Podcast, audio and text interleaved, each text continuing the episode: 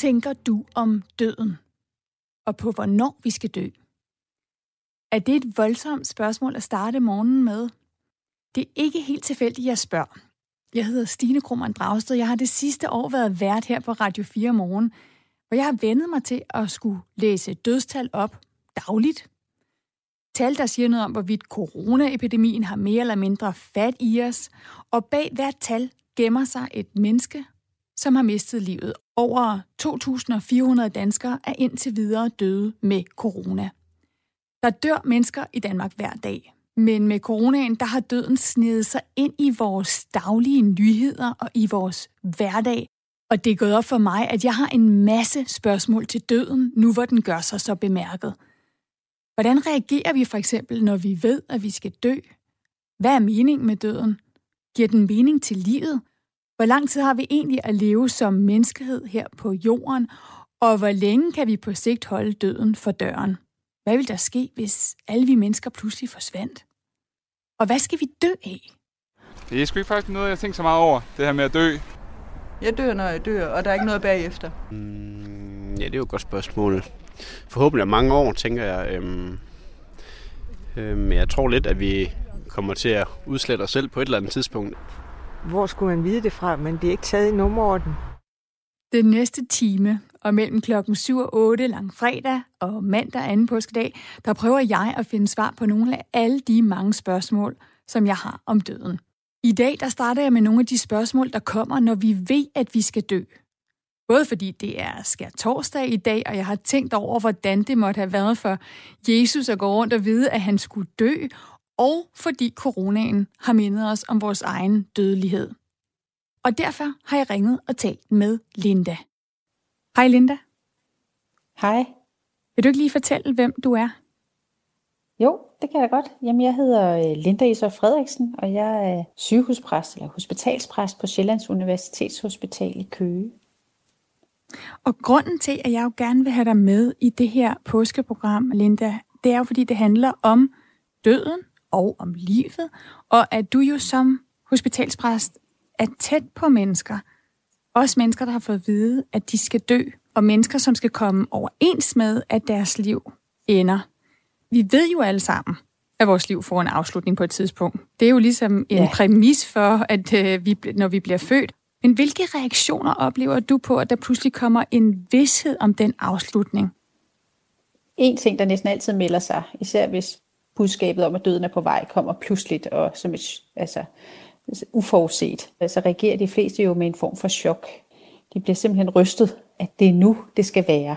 Men hvad der så sker bagefter, det synes jeg er meget forskelligt fra menneske til menneske. Nogle tager det helt roligt og siger, jamen så er det sådan, det er. Sådan blev mit liv. Det blev måske ikke så langt, som jeg håbede, men det blev et godt liv. Mens andre bliver utrolig vrede og bitre og forurettede nærmest. Ikke? Altså, det kan ikke være meningen, at det er urimeligt. Hvorfor skal det her ske mod mig? Hvad har jeg gjort, siden at jeg skal dø nu? At det føles som en straf at blive berøvet det liv, som man måske er glad for. Når du oplever de der situationer med, at der er nogen, der bliver meget vrede på døden, hvad ser du så din opgave som i den situation? Det er jo, altså nu lyder det lidt forblommet, men altså at rumme den vrede. Altså simpelthen øh, at være i den vrede. Ikke skælde dem ud eller, eller rette på dem, fordi de mærker øh, den her vrede øh, rumle. Jeg synes, min opgave er sådan set bare at bekræfte dem i, at det er, det er en naturlig og sund reaktion, de har øh, på, en, på en meget voldsom ting, øh, der skal ske dem. Ikke? Øh, jeg skal jo ikke være dommer over, hvad der er rigtigt eller forkert, men, men jeg skal til gengæld være der og øh, i det, der er deres, øh, sammen med dem. Så, så egentlig så sidder jeg bare og lytter på deres vrede, og, og bekræfter dem i, at de har ret til at være vrede. Og når du så sidder og lytter, hvad er det så for svar, som mennesker, der ligger for døden, søger? Hmm, mange spørger selvfølgelig til meningen. Hvorfor skal det her ske? Ikke? Øh, hvad har jeg gjort, siden det her skal ramme mig? Og så er der mange, der, der selvfølgelig stiller spørgsmål til tegn til, hvad sker der nu? Hvad er det der med død for noget? Ikke? Nogle ligger også og reflekterer over deres liv. Hvordan har mit liv været? Har jeg opnået det, jeg gerne ville? Er der ting, jeg fortryder? Er der ting, jeg er stolt af? Jeg ligesom sådan går det hele igennem og, og gør status på en måde. Mm. Jeg har talt med nogle helt tilfældige mennesker til det her program og spurgt dem om de her spørgsmål om døden og livet, mm. som vi jo egentlig ret sjældent går og spørger hinanden om, når vi ikke ligger i den situation, som nogle af de mennesker, du møder som hospitalspræst, er Præcis. i. Jeg får lyst til at spille det her klip med Sofie, som er 24 år, som fortæller, hvornår hun mærker, at hun lever. Det tror jeg, jeg gør, når jeg er sammen med de mennesker, der betyder rigtig meget for mig. Og ser, at de er glade og kan smile og grine. Men også når jeg føler mig elsket af de personer, jeg selv elsker. Så når jeg føler en gensidig kærlighed, så synes jeg, at livet giver rigtig meget mening. Altså når jeg er sammen med de mennesker, som betyder rigtig meget for mig, og når jeg føler en gensidig kærlighed. Ja. Linda, oplever du, at, at vidsheden om døden, kan den skærpe opmærksomheden af at leve? Altså kan det, at man ved, at man skal dø, kan det betyde, at man føler sig endnu mere i live? Ja, det tror jeg helt sikkert godt, det kan. Det er i hvert fald nogle ting, som man får travlt med at, at tage alvorligt lige pludselig. Ikke? Mange af os har jo øh, i vores liv travlt med alt muligt andet end at, at være til stede i det, der er. Vi har arbejde, der skal passes, og, og, og ting, der skal gøres hele tiden. Og det der med nærvær, det er noget, vi måske lidt for ofte kun er noget, vi oplever i glimt. Og der tror jeg, der faktisk er mange i de sidste dage eller uger, de har tilbage, oplever, at det bliver væsentligt lige pludselig at have, have nærvær som det, der står allerforrest. Altså samvær og nærvær med dem, man elsker. Præcis som Sofie sagde, så er det jo, så er det, jo det, der der giver jo vores liv fylde og værdi, det er jo præcis nærværet med dem, vi elsker. Når vi bliver ramt af det her, så ser jeg jo utrolig mange familier, der ligesom kryber helt tæt sammen på en hospitalstue for eksempel, eller, eller hjemme omkring sygesengen, hvis den står derhjemme, og er sammen den sidste tid. Nu nævnte du, at der er nogen, der kan blive vrede på døden, når mm. de får sat et tidspunkt på, hvornår de skal dø. Hvad med det her med at blive bange og hvis man er bange, er det så selve døden, man er bange for, eller er det mere det ukendte? Jeg oplever faktisk sjældent, at folk siger, at de er bange for at dø. Jeg spørger dem jo ofte direkte, er du bange for at dø, hvis jeg, hvis jeg sidder i, i en situation med mennesker, der har fået den her besked. Og langt de fleste, de svarer faktisk nej, at de ikke er bange for selve døden, men de er bange for afskeden med livet. Øh, og det er lidt tilbage til det, Sofie der i klippet snakkede om, ikke? At, at alt det, vi elsker og holder af, det skal vi jo tage afsked med, og det kan være utrolig trist at skulle se det i øjnene, at man ikke længere skal være en del af det her sammenhold og nærvær, som, som man holder så meget af. Alle de ting, man går glip af, øh, alle, alt det liv, der skal leves, uden man er en del af det. det. Det er nok nærmere det, man er bange for at skulle tage afsked med, end det er selve døden. Hjælper det i den situation at have en tro? Altså er det lettere for mennesker, der er religiøse, at forberede sig på, at de skal dø? For nogen tror jeg, ja, at det er, at det giver en ro. At man jo som troende, der tror vi jo på, at, at der er mere efter døden. At livet ikke er det sidste, der er, siger med et menneske, men at, at det ligesom fortsætter på den anden side. Som kristne, der tror vi jo på, at livet fortsætter på den anden side af døden, at døden ikke er det sidste, der er, siger mit menneske, men at, at der fortsætter et eller andet dejligt og godt på den anden side i Guds rige. Og det hjælper selvfølgelig nogen til at skulle, skulle øh, stå ansigt til ansigt med, med døden man ligesom jo ikke tænker, at det er slut, men at det fortsætter i en anden form. Men for nogle troende vil jeg også mene, at, det, at det kan være angstprovokerende at have den her tro. Især hvis man er troende på den måde, man forestiller sig, at der er en eller anden form for strafudmåling, som skal finde sted på den anden side af døden. Fordi som mennesker, det ved både du og jeg og alle, der lytter her sikkert, at vi går alle sammen rundt med en eller anden form for dårlig samvittighed i vores liv over en eller flere ting, som vi synes, vi har fejlet omkring øh, ting, vi har gjort os skyldige i. Og hvis man som troende tror, at der skal foregå en eller anden form for regnskab, ja, så kan vi jo alle sammen være bange for, hvordan det her regnskab bliver gjort op. Og så, så har jeg da mødt mennesker, som er bange for at skulle over på den anden side og modtage den her dom. Hvad vil den betyde? Mm. Der, der er også hele det her issue omkring, at man i den kristne tro jo snakker om, at, øh, at på den anden side vil vi møde mennesker, som vi har mistet igen. Altså den der tanke om, at nogen er gået forud og vil tage imod os igen på den anden side. Og for nogle er det jo en dejlig tanke, at der vil stå nogle højt elskede familiemedlemmer eller venner på den anden side og tage imod os, som vi kan have en eller anden form for gensynsglæde sammen med. Men der er jo også et vilkår for nogen, at øh, nogle af de mennesker, der er gået forud, ikke er mennesker, man nødvendigvis glæder sig til at se igen. At det er nogle mennesker, som man har haft øh, et meget svært og hårdt forhold til, øh, mens de var i live, og at der simpelthen kan være en frygt forbundet med, at de skal stå der med åbne arme og tage imod en. når man selv kommer over på den anden side. Og det kan gøre døden til noget meget svært øh, og angstfyldt. Jeg taler med Linda Ishøj Frederiksen, som er hospitalspræst.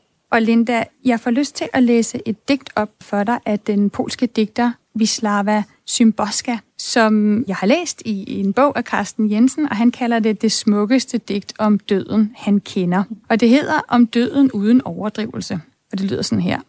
Der findes ikke et eneste liv, som blot for et øjeblik ikke har været udødeligt. Døden kommer altid netop det øjeblik for sent. Forgæves rusker den i håndtaget på den usynlige dør. Hvad en nåede og hvor meget, det kan den ikke tage fra ham. Det er altså Symboskas digt om, ja, jo på en eller anden måde at se på døden som det, der kan give mening med livet. Ja. Hvad tænker du om det, Linda? Jamen, jeg synes, det er en utrolig smuk tanke. At det er et utroligt smukt digt, som, er, som bevæger mig meget, når jeg hører det. Fordi det, det, det slår på alt det der strenge, som af hvad der er vigtigt i vores liv. Den der udødelighedsfølelse, som, som vi jo alle sammen kender til i små klemt, og som jeg selv personligt håber på, at det, der venter på den anden side, altså den der følelse af, at vi helt går op i en højere enhed, som man måske kender fra, fra de her øjeblikke, øh, hvor alt bare sådan ligesom falder i hak, mens vi er i live her. Det, det kunne jeg da godt håbe, at det, det ligger på den anden side. Så så sent som i går, der snakkede jeg med en mand, som havde stået helt tæt på døden, og var ligesom blevet halet tilbage til livet igen. Og han sagde jo, at at det gav jo ham et helt nyt syn på det, han havde. Han var simpelthen fyldt med en kæmpe stor taknemmelighed. Ikke kun i forhold til at være, være vendt tilbage til livet, men også i en taknemmelighed over for, for det, der var hans. At han havde den kone, han havde, og de børn, han havde, og at livet havde foldet sig på den her fine måde. For det var ikke noget, han så ligesom havde været særlig opmærksom på, mens alt var normalt og uden sygdom. Men, men nu, hvor han ligesom næsten var blevet berøvet det hele, så forstod han, hvor heldig en mand han var. Så på den måde tror jeg jo, at det er rigtigt, at når, når døden ligesom øh, bliver nærværende i vores liv, jamen, så er det klart, så sætter det perspektiv på det liv, vi har. Der er jo også nogen, der ender med at skulle øh, altså ændre fuldstændig øh, livsspor efter sådan en omgang, som den mand, jeg talte med i går, har været igennem. Det ser jeg heller ikke sjældent, at nogen siger, Huha, det var tæt på, og jeg fik livet igen, heldigvis, men nu skal, der, nu skal det laves om. Nu, nu har jeg chancen for at gøre det godt igen, eller gøre det, jeg altid har drømt om, eller ændre på en eller anden dårlig vane eller tilbøjelighed, man har haft i sit liv. På den mm. måde, så, så ser man det med nye, friske øjne og sætter en ny værdi på det, man så ser. Det bliver interessant at se om det her med, at vi alle sammen har fået en epidemi ind på livet. For de fleste af os har det ikke betydet et direkte møde med, med døden jo langt fra, men vi er alle sammen på en eller anden måde blevet meget bevidste om, at vi er dødelige. Om det så også gør, at der er flere, der tager den måde, de lever på, op til revision. Linda Ishøj Frederiksen, tusind tak for at give dine svar på de her spørgsmål om, om livet og døden. Store spørgsmål, som, som vi ikke går og stiller os selv så meget i hverdagen, som måske bliver for store til hverdagen. Ja, jeg, jeg skulle også lige til at sige, nej, lov ikke. Men altså, som jo, der er nogle mennesker, som du taler med, der pludselig skal til at finde svar på. Ja. Altså hospitalspræst på Sjællands Universitetshospital.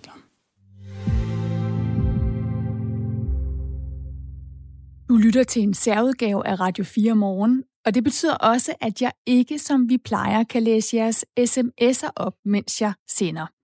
Men skriv gerne ind alligevel. Skriv med kommentarer med dine erfaringer med ris og ros. Til 1424 start beskeden med R4, så lover jeg at læse dem igennem senere.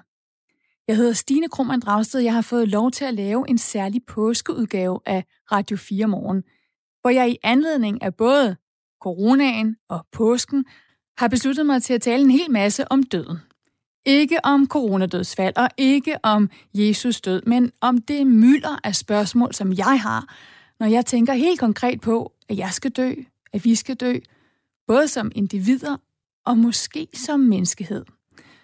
Og spørgsmålet over dem alle, det spørgsmål, vi alle bliver ramt af på et tidspunkt, uanset hvor travlt vi har med at sove og spise og elske og arbejde og være, det er, hvad meningen med livet er, hvis vi ved, at vi skal dø. Det kæmpe spørgsmål ringede jeg til Rasmus og stillede. Hej Rasmus. Hej Stine. Jeg må heller lige introducere dig. Du hedder jo Rasmus Ejernes, og du er forsker, og du forsker i biologi øh, ved Aarhus Universitet. Rasmus, så er du også ret vild med, med naturen, og derfor er du også vært på programmet Vildspor, som vi sender her på kanalen. Og jeg har jo ringet til dig, Rasmus, netop fordi biologi helt grundlæggende jo er studiet af liv. Og dermed mm. også af alt det, der kan dø, tænker jeg. Og jeg er jo på jagt efter et svar om, om døden i, de her, i det her påskeprogram. Og et af de spørgsmål, som vi stiller os selv, når vi kommer i tanke om, at vi skal dø, det er jo, hvad mening med det hele er. Og derfor så kunne jeg rigtig godt tænke mig at spørge dig som biolog om, om biologien har et svar på, hvorfor vi mennesker lever og dør. Åh, oh, det er, det er det er jo det store spørgsmål. Øhm, så grundlæggende nej. Altså livet som sådan på planeten Jorden er og bliver et mysterium. Så det er der sgu ikke rigtig nogen naturvidenskabelig forklaring på. Der må vi konstatere, at det er her. Mm, hvis man så ser på døden, så kan man sige, at, at døden har jo den, haft den funktion igennem livets historie, at det har muliggjort nyt liv. Altså så, så man kan sige, når vi fødes, så, så begynder vi jo at, at bruge og optage plads og ressourcer, og når vi dør, så giver vi pladsen fra os, så der kan komme noget nyt liv. Og det har jo haft en funktion, kan man sige, i kraft af, at, at så er der kommet nye generationer, der er kommet ny rekombination, altså øh, øh, nye individer, som har været kombineret på nye måder, og det har været medvirkende til, at vi har haft en evolution og udvikling af liv, øh, og altså også til, at vi har fået udviklet noget så fantastisk som et menneske. Men, men set i et lidt større perspektiv, så, så kan man sige, at at det er svært at sige, at, at det så har været... Er det så meningen med livet, at vi har fået udviklet noget så kompliceret som et menneske? Nej, altså... Umiddelbart så er liv så noget, der folder sig spontant ud, uden at det egentlig har et bestemt formål, eller skal et bestemt sted hen, eller opfylde en eller anden bestemt funktion. Altså, det er jo ikke noget... Altså, man fanden siger, at universet har brug for, at der er sådan en blå planet midt i det hele, hvor der er liv. Altså, det, det, er ikke, det, det giver ikke rigtig nogen mening, vel? Så i det store perspektiv, så må vi nok sige, at øh, nej, biologien kan ikke, øh, altså, kan ikke rigtig hjælpe. Livet er tilsyneladende formålsløst, nytteløst og overflødigt, men jo ikke desto mindre fuldstændig fantastisk. Så det giver ikke nogen mening, hvis man skal sige det sådan, at spørge biologien, om der er en mening? Ah, nej, altså meningen, øh, jamen det ved jeg sgu ikke, meningen skal man, finde, skal man måske finde selv, men det, men det der med, at det er overflødigt og formålsløst og nytteløst, det tænker jeg måske er interessant, at man skal finde mening et andet sted, fordi vi lever jo store dele af vores liv, og nu taler jeg måske ikke som biolog, men mere som tænker, altså vi lever jo store dele af vores liv med at forsøge at gøre noget nyttigt, sådan så verden bliver et lidt bedre sted at være. Og, øh, og der er jo nok en grund til, at stoikerne de har sådan en praksis, der går ud på, at man kigger sig selv i spejlet om morgenen, og så siger man, du skal dø, altså. Øh, og det er jo fordi, at man ligesom minder sig selv om, at, at hvis man nu døde i morgen, ikke, så vil der jo ikke ske en skid ved det. Altså verden vil gå videre, postbud vil bringe post ud øh, øh, de der få dage om ugen, hvor det sker, og, og træerne vil springe ud igen, når det bliver forår og sådan noget. Så dybest set er vi jo dyb, dybt overflødige som, som mennesker, og, og det med at fatte den der overflødighed, det er måske forudsætningen for at kunne få opleve meningsfuldhed i, øh, i livet. Altså, jeg kommer til at tænke på, at måske er det en meningsfuld selve det, at livet folder sig ud. Selve det mirakel, at livet folder sig ud, uden at det skulle skal noget bestemt med det. Måske er det der, man finder meningsfuldheden. Vi skal simpelthen bare trække vejret og tænke over, at ja. det er det, vi lever, som er meningen med det hele. Og ved du hvad, Rasmus, jeg har været ude og spørge nogle helt almindelige mennesker om de her super svære spørgsmål. Og jeg var helt vildt overrasket. Jeg var også helt vildt glad over, hvor villige folk var til at svare, og, og også have et svar på redde hånd. Prøv lige at høre her, uh, Anders.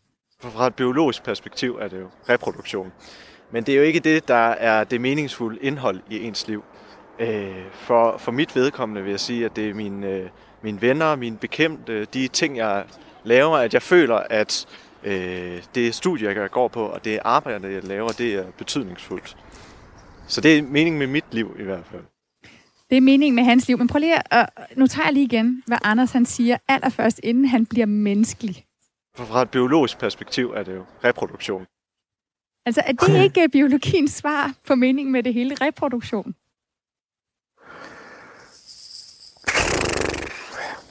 Altså, i, i sådan et, ud fra et individperspektiv, så kan man godt sige, at det gælder om at få reproduceret sig og ført sine gener videre og sådan noget. Men, men, men, men individerne er jo en ekstremt lille del af, af hele, det der, øh, hele det der komplekse liv. Og, og der findes jo mange måder, man som, i hvert fald som, også som menneske kan, give, kan, hvad kan man sige, videregive et eller andet til planeten på, end lige præcis at reproducere sig selv. Jeg, jeg ved ikke, jeg, jeg tror, jeg tror, jeg synes, at hvis det er biologiens svar, ikke, så, er det, så er det på en eller anden måde for lille, eller, øh, eller ikke, ikke tilfredsstillende. Ikke? Altså, øh, det opleves for mig meget meningsfuldt lige om lidt. Så springer æbletræet ud i min have, så springer blomsterne ud. Altså, det, det har selvfølgelig også noget med, med reproduktion at gøre for æbletræet, men det er bare, bare selve det der med, at, at livet folder sig ud, ikke? Altså, øh, det har været vinter og sådan noget, men så kommer det alligevel der, uden at det egentlig fører til noget bestemt. Det, bare det, at det sker, er jo dybt rørende på en eller anden måde, og, øh, og meningsfuldt. Øh, og kærlighed og venskab og leg, og der er så mange smukke ting i livet, som, som ikke skal føre et bestemt sted hen, men som alligevel er udfoldelse, udfoldelse af liv. Øh, så jeg synes, reproduktion det er for lidt. Og så har du samtidig også det her behov, som vi alle sammen har, når du nu beskriver æbletræerne springe ud. Øh, den måde, vi er sammen på, at prøve at finde en eller anden mening med det her liv. Er, er det en fordel for os biologisk, at vi er sådan? At vi gerne vil prøve at finde ud af, hvad fanden der er mening med det hele? Altså, det er jo i hvert fald, det har i hvert fald været medvirkende, den der nysgerrighed og undersøgelse og lyst til eksperimenter og lyst til at tænke og sådan, har været medvirkende til, at vi, at vi som mennesker har ligesom øh, øh, bemægtiget os kloden og, og sproget og kulturen og teknologien og, og været i stand til at omskabe vores egen virkelighed til at give os selv endnu bedre muligheder, endnu friere rum til at udfolde det potentiale, som vi har. Så, så jeg tænker, det er, det er da helt sikkert en del af det at være menneske og stille de der store spørgsmål. Men altså, så vi har jo øh, ligesom udviklet os, så vi nu er på et stadie, hvor vi kan stille de spørgsmål, men det er altså ikke på en eller anden måde menings... Altså, der har ikke været nogen mening med den evolution, at vi skulle kunne stå her og, og, og klø os selv i hovedbunden og tænke, hvad søren er det lige, vi lever og dør for? Nej, og det er jo lige så meget et tilfælde, som det er en, en, en bebudet øh, forudsigelse. Ikke? Altså hvis ikke den der asteroide var hamret ind i, øh, øh, i Mexico for 66 millioner år siden, så havde vi ikke været her vel. Så havde det stadigvæk været dinosaurernes jord, fordi det var jo dem, der fyldte og tog pladsen op dengang. Og der havde pattedyrene levet der sammen med dinosaurerne i 100 millioner år, og var ikke rigtig kommet ud af starthullerne. Det skete først, da dinosaurerne blev ryddet af banen, og tavlen blev visket ren. Så på den måde er, er livets historie jo ikke forudsigelig. Hvis man kørte det ligesom et computerspil og startede det forfra, så ville det ende et andet sted. Hvad kunne du godt tænke dig, at vi bruger det her spørgsmål til? Altså for eksempel, når vi så måske i anledning af, at vi øh, oplever sådan en coronaepidemi, hvor vi pludselig får døden lidt tættere ind på livet, eller for nogens vedkommende, fordi det er påske, og der pludselig er sådan nogle her spørgsmål om liv og død og genopstandelse. Hvad, hvad du mm. godt tænke dig, at vi bruger de spørgsmål til med det, du studerer, som handler om, hvordan der kan blive plads til alle mulige forskellige slags liv? Jeg kunne godt tænke mig, at vi brugte det til at få øje på værdien af det unødige. Altså, at vi i virkeligheden får øje på, at det der med, at, at man skal begrunde altings eksistensberettigelse med, at det skal tjene et formål, det er lidt et vildspor. Altså det er udmærket til at, at bygge broer og huse og sådan noget. Det er den der skældende evne, ikke? som jo, vi jo fik i paradisets have, og, og en del af syndefaldsmyten, at, at vi blev sparket ud af paradisets have, fordi vi havde fået skældende evnen. Og den har vi så brugt til at lave en verden, som er fantastisk god at være mennesker i, men hvor vi har fortrængt næsten alt andet liv. Og hvor det synes at være sådan en, grund, en grundforestilling, at for at få lov til at være her, så skal man være nyttig. Og det å, Altså udover at, at vi udrydder ude sommerfuglene på den, øh, med, den, øh, med det regnestykke der, så er det også et å, der ligger på mennesker, at den eneste måde, man kan få lov til at være her på, det er ved at være nyttig. Og det vil være dejligt at få løftet det å af skuldrene, og så sige, okay, vi er alle sammen egentlig overflødige. Hvis vi ikke var her i morgen, så skete der faktisk, gjorde det faktisk ikke nogen forskel. Så hvad med, om vi, hvad med, om vi gav hinanden ubetinget eksistensberettigelse, og hvad med, om vi udbredte den eksistensberettigelse til også at gælde øh, sommerfuglen. Og, og det synes jeg er et meget næstekærligt budskab, som passer godt til påsken. Jamen, skal vi så ikke uh, slutte det af der, Rasmus Ejernes? Tak for at være med til at bidrage på den her jagt efter et eller flere svar på de her meget store spørgsmål. Jamen, velbekomme i den her uh, særudgave af Radio 4 Morgen. Altså seniorforsker ved Institut for Bioscience på Aarhus Universitet og vært på programmet uh, Vildspor, som du kan uh, høre, hvis du tænder for din radio på lørdag og stiller ind på Radio 4 mellem klokken, i klokken 12 og klokken 2. Ikke også, Rasmus? Det er nemlig rigtigt. Og du kan selvfølgelig også altid hente programmet som podcast, for eksempel ved at gå ind på Radio 4's app.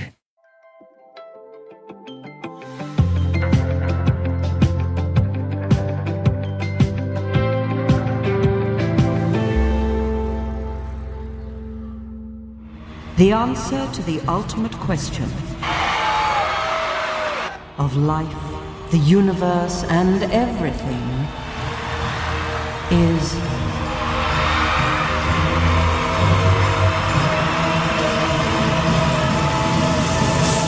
forty-two. Ja, svaret på meningen med det hele er 42, siger supercomputeren Deep Thought i filmen øh, baseret på Douglas Adams' populære science fiction bog The Hitchhiker's Guide to the Galaxy øh, på dansk Blafferens Galaxe Guide. Godmorgen, Christoffer Bosrup Skov. Godmorgen. Filosof og forfatter til bogen Meningen med livet, hvor, hvor du søger forskellige svar på netop det her spørgsmål. Meningen med ja, både døden og livet gennem øh, filosofien. Men lad os lige starte med det her 42. Kan vi bruge det her svar fra supercomputeren Deep Thought til noget? Ja, det er jo et godt spørgsmål. Det, man kan sige, det var jo ikke lige det, man sådan umiddelbart forventede. Så man kan sige, øh, der er måske mere, øh, flere fortolkninger af, af det svar, det er 42 bud. Altså for det første kan man at det er sådan et absurd øh, svar, for det lyder umiddelbart absurd at sige, det hele øh, Øh, opsummeret i 42, det er det, der er mening med det hele. Men det kan også lige så godt være noget, vi ikke rigtig helt forstår endnu. Er der et eller andet, som vi har misset? Her også kan det være et tredje perspektiv, hvor man kan sige, at det peger måske fremad, hvor øh, man på et tidspunkt finder nogle kunstige intelligenser, som øh, kan finde ud af det hele, som kan gennemskue det hele på en meget, meget mere sofistikeret måde, end vi mennesker kan. Så øh, det der bud 42, det er jo sådan lidt, umiddelbart lidt absurd og akavet, men øh, man kan sige, at det vigtigste, det er jo egentlig, at man i det hele taget stiller spørgsmålet. Det er jo det, der er kan man sige, filosofiens øh, domæne, ikke? altså stille spørgsmål, hvad er meningen egentlig med det hele?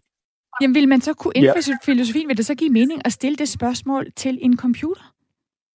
Det er jo et godt spørgsmål. På et tidspunkt vil man måske kunne gøre det, men altså, jeg vil jo hæve det, at, at det, der som er desserterne ved, ved os mennesker, det er jo et eller andet form for øh, selvreflektion og undren, at, at vi er i stand til at reflektere over vores eget liv og vores egen eksistens, og det er jo det, som det, der er helt specifikt unik for os mennesker. Om man så på et tidspunkt kan efterligne den ved kunstig intelligens, øh, er jo et godt spørgsmål, som øh, vi, vi, må, vi, må, vi, vi må bare se, hvad fremtiden byder. Vi, vi tænker jo over det her spørgsmål, fordi vi mennesker, vi er, vi er jo kastet ud i livet uden en øh, manual eller uden nogen klare svar på noget. Og derfor er det jo også oplagt, at vi spørger til, øh, jamen, øh, hvem er jeg egentlig? Hvad skal jeg med min eksistens? Og hvad er meningen med det hele? Og så, så det her med, at vi, vi søger svar, er jo ikke så mærkeligt. Det der med at give svar, det er jo så, kan man sige, den, den svære del af det, fordi i filosofien vil man jo som udgangspunkt gerne stille en masse spørgsmål, men man har knap så mange svar. Og det kan jo både være øh, egentlig være frigørende, men man kan også egentlig opfatte det som lidt angstprovokerende, fordi hvad skal man så egentlig? Ja, altså ordet filosofi betyder jo kærlighed til visdom. Og det er jo derfor, at jeg har bedt dig om at være med i den her særudgave af Radio 4 Morgen, for at høre om den her kærlighed til at blive klogere, også kan gøre os klogere på nogle svar på, hvorfor vi skal dø, og hvad meningen med livet er, hvis vi skal dø. Ja, altså, man, altså øh, altså filosofi er jo, er jo sådan meget antidogmatisk, ikke? Altså giver jo ikke nogen klare svar på noget, og filosofien hylder det her med at reflektere og stille spørgsmål. Og filosofihistorien er jo en lang sådan, øh, pingpong mellem forskellige idéer og perspektiver på noget. Så jeg vil egentlig hellere snarere sige, at filosofien den stimulerer undren og spørgsmål og refleksion. Og så kan den måske være behjælpelig med at give nogle forskellige perspektiver på noget. Men altså det der med øh, at give nogle klare svar, det, øh, det kan filosofien, altså i hvert fald i, i, i, efter min overbevisning, ikke rigtigt. Men det kan hjælpe os til at måske blive bedre til at tænke, øh, måske øh, blive bedre til at tænke perspektiver, og, og nogle gange også være kritisk, og så det her med at kunne undre sig. Og det kan man sige, det er jo sådan nogle, nogle almindelige øh, kvalifikationer, som vi bruger, ikke bare i forhold til øh, specifikke filosofiske emner, men sådan set i det hele. Altså det med, at vi kan blive kritiske tænkere. Men altså det her med, øh, med meningsspørgsmålet, det er jo, øh, det er jo et, vi altid har tænkt over. Altså, der er jo ikke, altså, det er svært at, at forestille sig et liv uden, at vi har tænkt over det her spørgsmål, hvad må en mening med det hele kan være. Det er jo et, et endeligt liv, vi skal dø på et tidspunkt, så det er jo oplagt at stille spørgsmål, hvad, hvad skal vi så egentlig bruge den her tid til, vi har på jorden, og, og hvorfor er vi her i det hele taget? Og der talte jeg jo så lige før med en, med en biolog om at studere, hvad livet og døden er for noget, og og hvad formålet med livet og døden er. Er det ikke netop det formål, Altså det her formål, vi mennesker ofte søger, som den moderne filosofi prøver at kaste lys over? Jo, altså man, man kan sige, øh, det vil i hvert fald være en tilgang, altså den biologiske. Ikke? Altså jeg øh, øh undersøger spørgsmålet i den her bog, jeg har skrevet, øh, Mening med livet, som, som øh, giver otte svar fra filosofiens side, eller bud på svar, som man kan tænke over. En af dem, det er jo så det her mere biologiske med at føre slægten videre.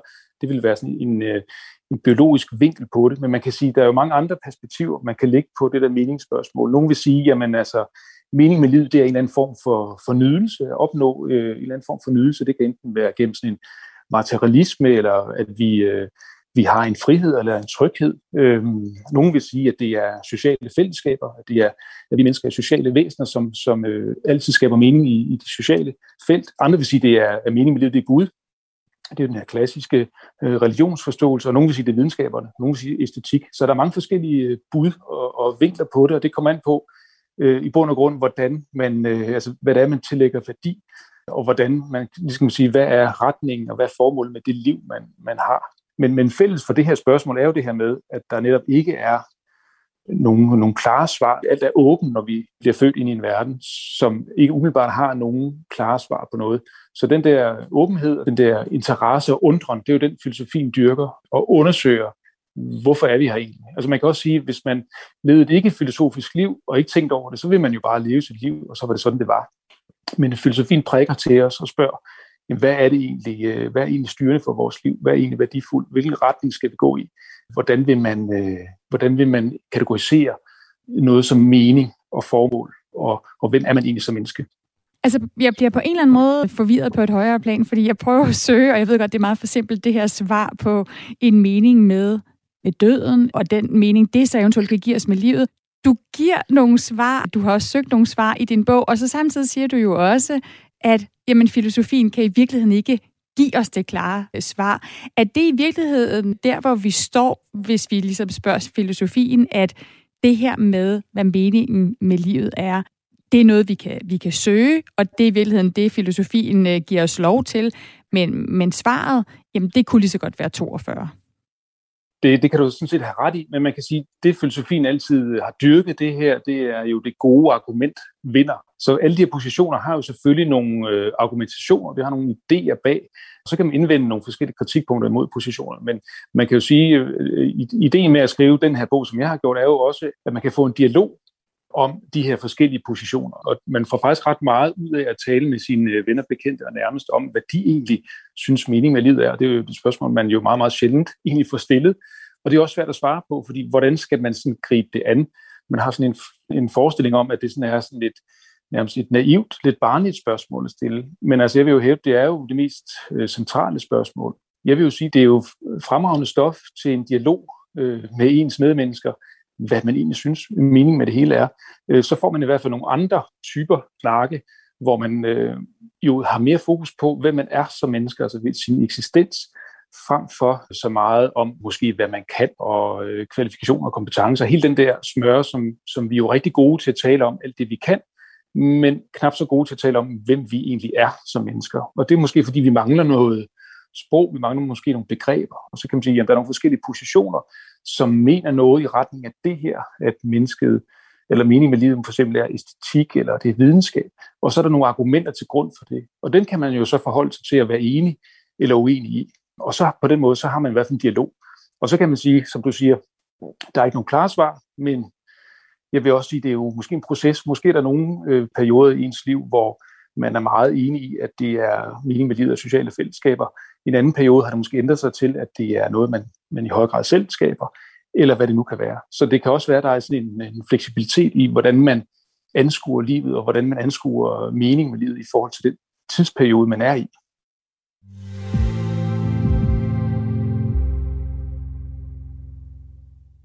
Jeg taler altså med Christoffer Boserup Skov, som er filosof og forfatter til bogen Meningen med livet.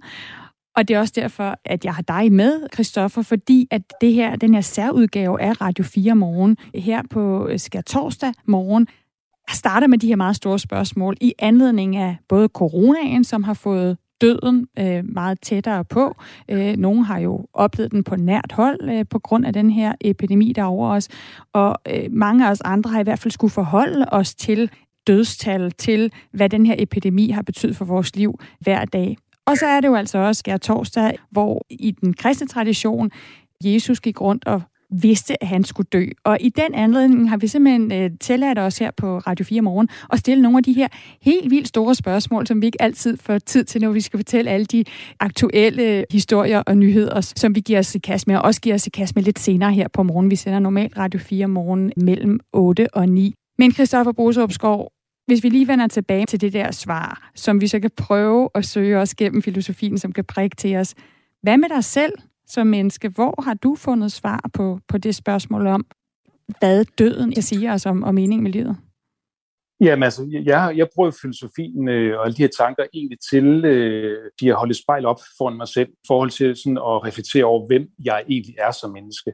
Og den øvelse, og som du også er inde på der, det er jo øh, noget, som som øh, vi forbinder med nogle af de store spørgsmål, eller noget, vi ikke gør så tit, hvilket jo i bund og grund er mærkeligt, fordi jeg vil jo hæve, det er det mest øh, basale, vi overhovedet kan sige, øh, eller stille som spørgsmål.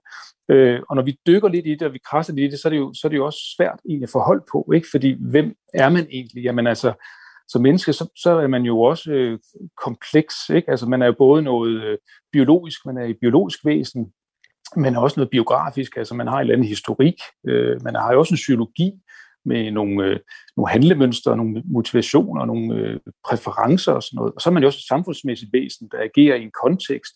Så bare det der med at forstå, hvem man er, øh, og hvad skal man sige, give nogle forskellige perspektiver på det, og nogle forskellige forståelsesformer, det gør jo, at vi på en eller anden måde, jeg ved ikke, om vi bliver klogere, eller forvirret på et højere plan, men altså det bringer i hvert fald nogle, øh, nogle tanker til bordet om, om det her med, hvem vi er som mennesker, som, som jo egentlig kan, kan, kan hjælpe os, tror jeg, i forhold til det her med, hvad, hvad der er værdifuldt i vores liv. Altså hvordan er det egentlig, vi, vi prioriterer vores valg og, og vores liv, altså hvad er styrende? Og det tænker jeg også hænger meget sammen med den her meningssnak, øh, fordi det er, jo, det er jo nok det, vi i bund og grund gerne vil. Vi vil gerne have et godt liv, og hvis vi gerne vil have et godt liv, så hænger det også tæt sammen med de værdier, som, som vi vælger at leve efter. Og de værdier, dem kan vi jo sådan have til, op til øh, diskussion løbende med os selv og med hinanden. Øh, men jeg tænker, at det er, altså som filosofien også grundlæggende er, det er jo en dialog, hvad skal man sige, en dialogreflektion. Øh, så det er, det er, jeg, jeg tænker, det er, det er vigtigt at sige, at, øh, at filosofi er en, øh, en samtale mellem mennesker. Det er ikke så meget den ensomme tænker, der sidder og tænker store tanker øh, ude af, af kontekst. Nej, det, det, det, det er dialog, og det er samtale, og det er fælles refleksioner. Det den, tænker jeg, det er den måde, øh, vi kan komme videre på. Det er den måde, filosofien kan være givende på. Og hvis jeg så i den her samtale mellem dig og mig lige nu må prøve at trække filosofen ud af dig og spørge dig, hvornår har du så som menneske tænkt, der var den, der var meningen? Jamen altså, jeg har da både haft oplevelsen af, at der ikke er nogen mening med noget som helst. Hvis man for eksempel har oplevet svære ting, eller sygdom tæt på, eller død, så har man jo en umiddelbar følelse af, at det, det, det kan der ikke være nogen mening med, at der er nogen, der, der dør på den måde. Øh, omvendt kan man jo godt opleve i nogle, for eksempel nogle sociale fællesskaber, at det her det er et rigtig behageligt øh, fællesskab at være i. Det giver noget identitet, det giver noget formål, det giver noget mening. Øh, jeg har da også oplevet det i forhold til, at når man selv skaber nogle nogle ting, eller tager nogle valg i livet, som, som giver en noget, øh, en usikkerhed, som, som viser sig at være den rigtige vej at gå.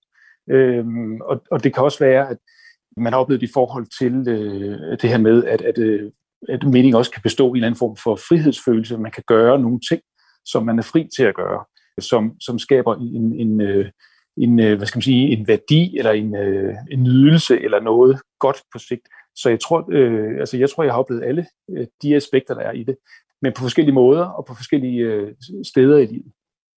Nu startede jeg jo med at spille et klip fra science fiction-filmen The Hitchhiker's Guide to the Galaxy, hvor supercomputeren Deep Thought jo altså siger, at svaret på meningen med det hele er 42. Lad os lige høre reaktionen. 42? Yes, yes, I thought it over quite thoroughly. It is, it's 42. It would have been simpler, of course, to have known what the actual question was. Ja, jeg har tænkt grundigt over det, siger supercomputeren, og hun fik jo så også øh, 7,5 millioner år at tænke i. Men det havde været lettere at svare hvis jeg vidste, hvad spørgsmålet var. Er det problemet, Christoffer Boserup Skov, altså filosof og forfatter, at vi stiller det forkerte spørgsmål, at jeg stiller dig det forkerte spørgsmål, når jeg prøver at finde det her svar på, om, om døden øh, og livet overhovedet giver mening? Nej, det synes jeg faktisk ikke, det er. Altså, øh, man kan selvfølgelig sige, at det er komplekst, eller man kan sige, at det, er det upræcist, eller sådan noget, men det, det synes jeg i og for sig ikke rigtigt, det er. Altså, jeg synes, det er, øh, det er et af de her øh, spørgsmål, som har sådan en, en, en basalhed i sig på en eller anden måde, som jo nærmest er, som jeg sagde, også barnligt eller naivt. Ikke? Det er det, børn nogle gange øh, stiller det, den type spørgsmål. Ikke? Hvad, hvorfor det, og hvad er meningen med det hele, og, og de der ting, øh, hvorfor man til, og hvad, hvad sker der efter, man er død, og sådan ting. Nogle af de ting, som jeg egentlig tror, at vi som, øh, som samfund på en eller anden måde aflærer stille og roligt, fordi det kommer til at handle om noget andet. Øh, det kommer måske til at mere handle om hvem, netop hvem vi, eller hvad vi kan, og ikke så meget om, hvem vi egentlig er som mennesker. Øh, og så mister vi måske lidt den der øh, umiddelbare interesse for de, den type spørgsmål, og kan sådan egentlig nogle gange sådan, øh, kigge på dem og tænke, at det er da også lidt, øh, det er lidt upræcist, eller det, det forstår vi ikke helt, eller det kan vi ikke rigtig tale om. Men det tror jeg i for sig, øh, altså den øh, det er jeg ikke sådan enig i. Altså jeg synes, det er, det er vigtigt at tale om, og, og det, det er vigtigt at tale om, selvom der ikke er nogen svar på det. Og det kan jo godt, den er jeg med på, kan jo godt virke provokerende, at vi har noget, som, øh, som ikke rigtig, der er ikke rigtig noget svar på, men vi kan argumentere for noget frem og tilbage. Men det her, det, det er noget, vi ikke kan styre, det er noget, vi kan kontrollere, det er noget, vi ikke kan øh, optimere øh, på nogle måder. Og det øh, kan måske godt virke lidt provokerende for os moderne mennesker, at her noget, vi ikke, her er et område, vi ikke rigtig kan styre. Men jeg tror, det er værdifuldt alligevel, fordi øh, vi er mere end, end, end blot, hvad skal man sige, øh, en rationelle væsener altid. Øh, der er mere i livet, der er også en livfuldhed, der er også en, øh, et engagement i livet, som, som vi også skal have fokus på, som også skal, skal folde sig ud i nogle tanker og, og, nogle, nogle, og en undren. Christoffer Boserup Skov er filosof og forfatter øh, til bogen Mening med livet. Tusind tak for at være med og, og undre dig sammen med mig. Selv tak.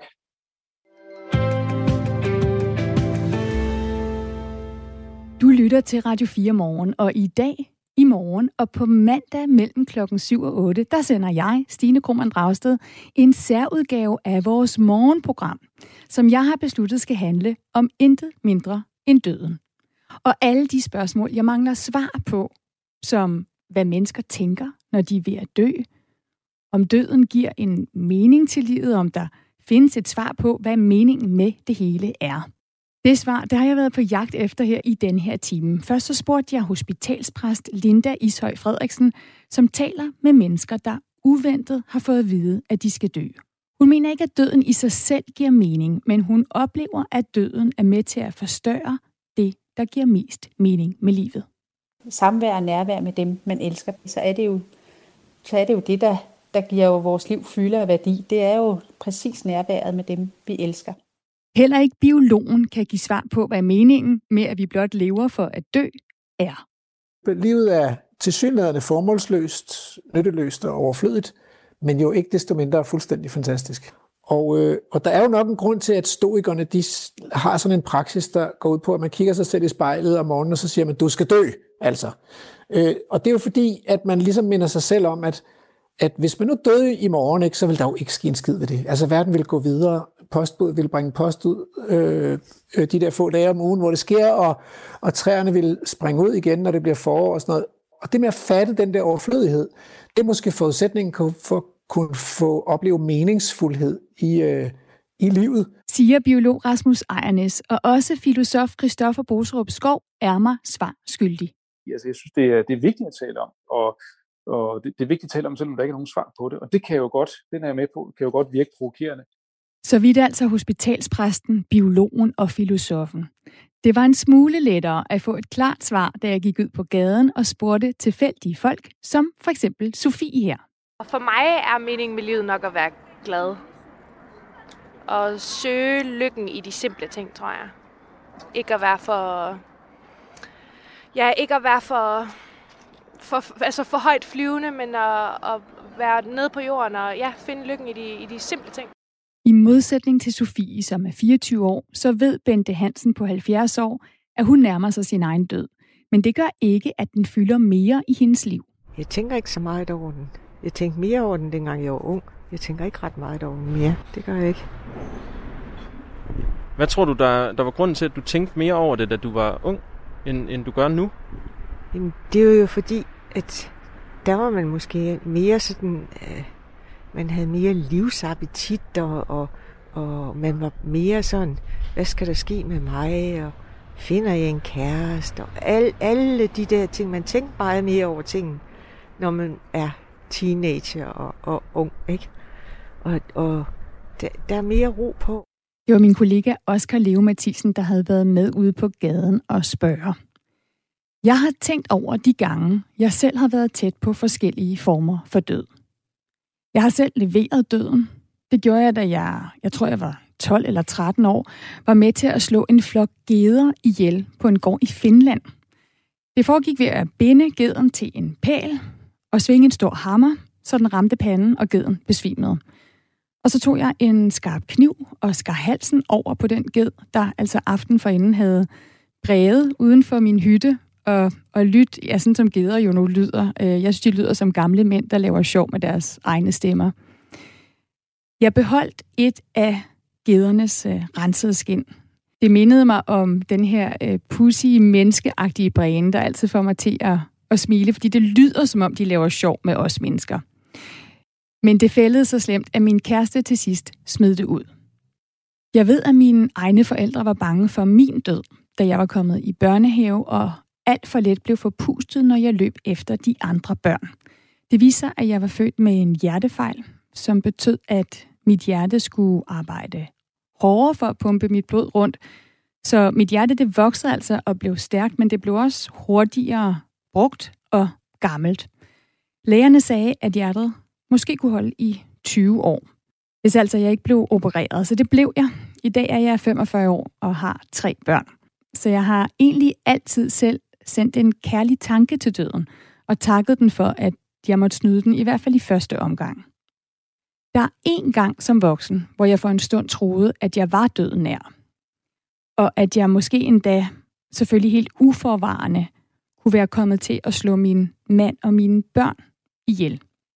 Jeg lå i en seng i et sommerhus på Glænø på Sydsjælland og tænkte på, om det måden var feber, der frembragte den sved, som jeg havde på min pande og om den her feber var det første tegn på den dødelige sygdom, som jeg netop havde hørt om i de danske nyheder, Ebola.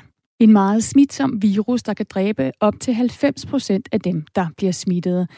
Det var i 2014, og ebolaen var brudt ud i det lille vestafrikanske land Sierra Leone, som jeg netop havde været på besøg i. Og jeg havde rejst til den nordligste del af Sierra Leone for at undersøge, hvordan Kina var ved at overtage jernminerne i landet. Netop den del af landet, hvor Ebola-virusen nu bredte sig. På vej til minen, der var vores bil brudt sammen, og jeg havde tilbragt en dag sammen med en øh, britisk journalist i en lille landsby, hvor jeg endte med at fotografere og lave en historie om de forunderlige og utallige måder at flette hår på, som pigerne og kvinderne der bar. Og en af de små piger med smukt flettet hår, hun havde også et betændt sår på sin hånd, som jeg hjalp med at rense. Og nu sad jeg så og kiggede ud på et vinterlandskab i Danmark og kunne læse, at Ebola smittede netop gennem blod og andre kropsvæsker. Og jeg frygtede, at jeg havde slæbt en dødelig virus til Danmark. Det havde jeg heldigvis ikke. Men jeg tænkte ofte på den lille pige, og om hun overlevede ebolaen. Jeg kom ikke tilbage til hendes landsby igen, men året efter så tog jeg til nabolandet Liberia. Ebolaen havde på det tidspunkt kostet over 4.000 mennesker livet i Liberia, og den rasede stadigvæk. Men Ebola-døden havde også mødt sin værste fjende. Og det var den fjende, dødens fjende, som jeg var kommet for at finde i Liberia. Da jeg fandt den, lød den stemme sådan her. If I see somebody vomiting, twirling and encouraging, they go to the hospital to go and do their test because you don't know.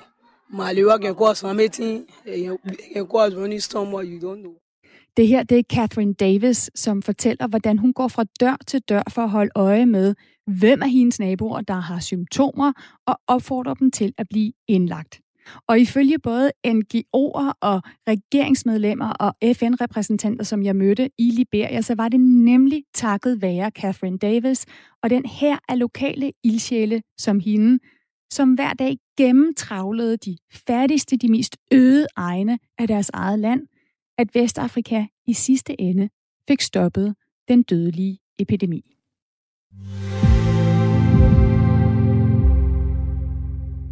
Morgen kigger jeg nærmere på selve døden. Hvordan det er at være vidne til døden. Hvordan vi er, når vi går fra at leve til at dø. Og hvad der sker med vores krop, når vi dør. Jeg skal blandt andet tale med en våger, sådan en, der sidder ved andre menneskers dødsleje, så de ikke er alene, når de dør. Og jeg skal tale med en retsmediciner om at undersøge døden og dens årsager. Og så stiller jeg også spørgsmålet, hvad vil der egentlig ske, hvis alle vi mennesker døde? Eller i hvert tilfælde forsvandt her fra jorden. Hvilket liv vil så tage over? Lyt med i morgen mellem klokken 7 og 8. Lige nu, der kan du lytte med til nyhederne her på Radio 4.